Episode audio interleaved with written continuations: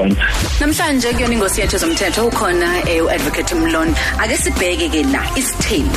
Esinjani esisemthethweni? kufanele kube khona isivumelwano esenziwe eh, indoda nge-application ecourt. La indoda esho khona ukuthi empahleni yami indlu kamasibandibani izothola ukuthi indlu kamasibandibani izothola ukuthi. Isidlo sasekuseni sibaluleka kunazo zonke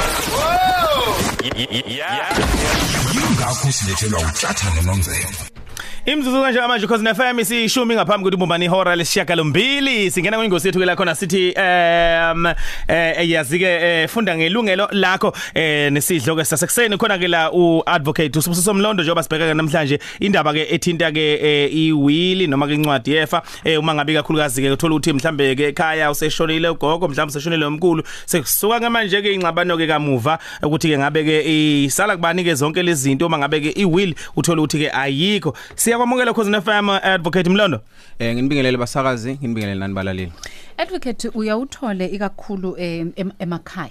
Thina njengendle emnyama sisenakho ukuthi uma sino- sinokhathide eh imina ukhathide umandla uayanda sonke sabala ekhaya. Umandla uyena omdala lanye ukhathide kube yimina bese ba u- u- u- uayanda. Umama nobaba bashone. Isikhathi esiningi siyayisilandele into yokuthi hayi kushuthi umandla njengo njengo- njengobhuti omdala yonke into izobuya ngaye. Noma makungenjalo kube uyena ozoqala sishayela umthetho athi kokuqala yimini indlalifa aqale kube ukuthi manje sesiyaxoxa ukuthi thatha inganyana zakho khahlela uphume uyohlala le. Kanti wena mhlawumbe ngesikhathi besaphila umama nobaba ben- benikazi be- benihleli la ekhaya nazi ukuthi lona ikhaya elikhulu. Ukhona umthetho obhekela into efana nalezo? Eh imithetho emibili e- e- e- ebhekelene nezinto ezifana nalezo. Okuqala eh i customary law eh u- u- umthetho wesintu. Umthetho wesintu wawuthi kuqala ngaphambi kokuba kube khona iconstitution wawuthi eh, indlalifa umfana eh, umuntu wesilisa bokuqala ekhaya. Eh kwa lokho eh emva kokuba sekufika iconstitution kwashintsha ngoba iconstitution isenza sonke silingane abesilisa nabesifazane bonke bayalingana. So emva kwalokho u- umthetho South Africa uthi wonke umthetho okhona eSouth Africa kanye necustomary law kufanele u- u- u- ube uhambisane kanye neconstitution. Kusho ukuthi constitution ya South Africa iyona enkulu kunawo wonke yonke imithetho. Ithi sonke siyalingana. Uma kuukuthi kufanele indlu eh umama unezingane eziwu5 nobaba banezingane eziwu5 eh umuzi ubiza u5 million. Eh iwill ayikho. Umthetho weinterstate succession iwona ongenayo lapho. Indlu mayibiza u5 million indlu izo eh kuzo qokwa umgcini mafa i-executor of the deceased estate. Eh umgcini mafa uyena ozo wind up i-estate kushuthi akhokhele abakweletwayo eh uma ukuthi mhlambe u6 million eh u1 million uzoya kwabakweletwayo lo labo 1 million ngokwe interstate succession uzoya kuzo zonke izingane eziwu5 ezisele Ngokulingana. ngokulingana. Mana ke Yo. advocate eh ak- ak- ake sibheke iqiniso lendlela esiphila ngayo. Mhlawumbe la ekhaya bekade kukhona uma nobaba nathi siyingane eh mhlawumbe thina njengengane zamantombazane sesineyingane zethu ebesihlala nazo la ekhaya. Aba obhuti abadala bahambile bayoshada ba- bakhe imizi yabo. Kwase kuba khona udadewabo kababa owaba neshwa nkosi yami izinto zangamhambela kahle wabuye wazohlala la ekhaya. Bashona uma nobaba us- usele manje ubabekazi. Nomuzi nathi ingane zamantombazane nezingane zethu abashana.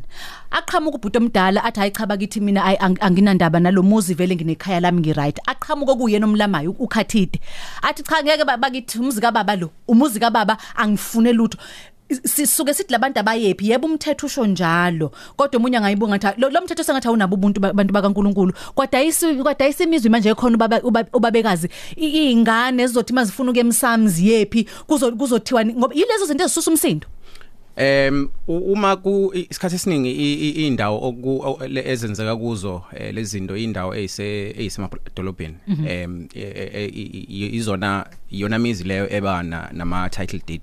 Eh ng- ngebhadi uma ngisho ekhona ubabekazi ngafanele axoxisane nabomndeni ukuthi hayi eh uzohlala e- kuphi noma sizohlela kanjani? Kodwa uma kuukuthi i-estate iyawindwa up eh uma kuukuthi ifa eh lika baba obesesele noma umama obesesele eh li- li- li- li- liyawindwa up. Indlu kuzofanele iye ezinganeni zonke ngokulingana kwazo. Ingane esishonile liyehla lehlele einganeni zakhe. Njengoba uthi kuvamise ukuthi kwenzeke emadolobheni ngoba ila khona khona ama title deed lokho kudala kube khona umbuzo ukuthi emakhaya iziphi izinto eneniyibone zenzeka endaweni zethu zasemakhaya? La ngekho khona title deed ngekho will ngekho ntoni? Kusasebenza indaba ye constitution ayike emakhaya. Asilingani shi angeke uzofika uthi utshele ubhuti omdala ngeconstitution ngoba uzothi okay uzongitshela ngeconstitution namhlanje. Mhla unenkinga emzini kwabiza ubhuti omdala sangalingana ngaleyo mina wathi angizoxazulula inkinga mase kufanele kutholwe manje umuzi ngoba nakho udadewethu omdala ang- angisese yena ubhuti omdala manje ngoba nakho ngilama wena. Ingangeni in- i-constitution eyintweni zethu. Em lokho angeke ngize ngigxile kukho kakhulu ngoba kuthinta enye indawo yokuthi eh imizi esemakhaya ekakhulukazi la kwaZulu Natal i ayinawo ama title deed i under i ingonyama trust ingonyama trust act. Kushuthi izwe lesilo abantu abangaphansi kwalo banelungelo loku occupy kwizi right to occupy.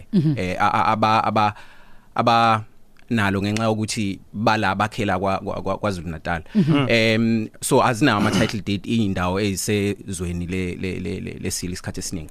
Eh in- indawo enama title deed indawo ezisemalokishini ezi- ezi under umasipala isikhathi esiningi. Masipala ya kunjalo. So i- i- i- i- imbango ke phela le e- eyayibe khona ke i- i- nje- njengemthetho i- ibhulwa kanjani e, ukuze kuhlale kusana ngokuthula ke after noma emva kuba sebeshonile kabazali ukuyibona abebekade benalezi zinto? Em ayikho indlela kuye kube ukuthi umndeni uyabonisana isikhathi esiningi. Kodwa uma kuukuthi uma umndeni ubonisana ukuthi sizonikeza ubhuti omdala siyiyekeni sonke eh bangenza kanjalo. Uma ukuthi bazothi sizoyinikeza uanti obehlala kuyo bengenza kanjalo. Kodwa uma kuukuthi khona abangavumi abangavumi banalo ilungelo emthethweni Lomthetho, we-interstate yeah. succession ukuthi siyalingana sonke. Uma indlu ibizo 5 million sonke esikhona esisaphila uma siba u5 fanele sithole eh u- ingxenye nengxenye yethu elinganayo. I- ili- i- i- indaba yokuthi uma washona ethe kungabhalwanga phansi uma washona ethe ib- ibisakhulunywa leyo? Angeke izikhulunywe leyo ngoba uma ingekho iwill iwill ibhalwa phansi i- i- i- i- isayine ibe nofakazi. Eh uma iwill ikhona eh, eh, eh, ayisho leyo nto umama wabhala phansi noma kukhona iphepha elibonakalayo ukuthi labhalwa phansi eh, esikhathini esiningi kuzofanele eh laba bangavumelani nalo bali challenge kodwa uma ukuthi iwill eh, ehlangana nayo yonke imithetho ye- yokuthi iwill fanele ibe njani eh ebhalwe phansi. i- i- ifa liya kulo okhethiwe ilo oseshonile. Okay. eh kushuthi nendlu ngakulo okhethiwe oseshonile. Kodwa uma ukuthi usho ngomlomo eh ngaphandle uma kuukuthi bazomhlonipha abanye bavumelane bafakaza ukuthi hayi washo ngempela. Eh umndeni ungabonisana ngalokho. Kodwa isikhathi esiningi i-interstate succession i- and umthetho wakhona uthi i-will fanele ibe khona i- i- ivumelana nayo yonke imithetho ye-will ibhalwe phansi. Uma isho ngomlomo a- a- a- ayi- ayithathwa njenge-will. Kuzwakala kahle kakhulu advocate Mlondo. Ke ke kuzwakale kulula mayisichazwa kanje kodwa uma se- sekuhlelwe phansi na- nabantu imoya isikhuphukile nomuntu esekhumbula ukuthi okokuqala wena ngo ngo 1990 ngwa- kwathi ngiyokwenza ukuthi wangaba khona ukuzongisupport manje usufuna umuzi kababa kusuke enkulu impi le es- sekubangwa u- i- ikhaya elikhulu. Kodwa sibanga kakhulu ukuthi ube nathi kubona umsakazo khosi sohlangana ngesonto elizayo. Ngibonga kakhulu nami. Advocate sibuse somlondo siba nayo eh kuyona ke ingosi yethu. Zomthetho 2 minutes to 8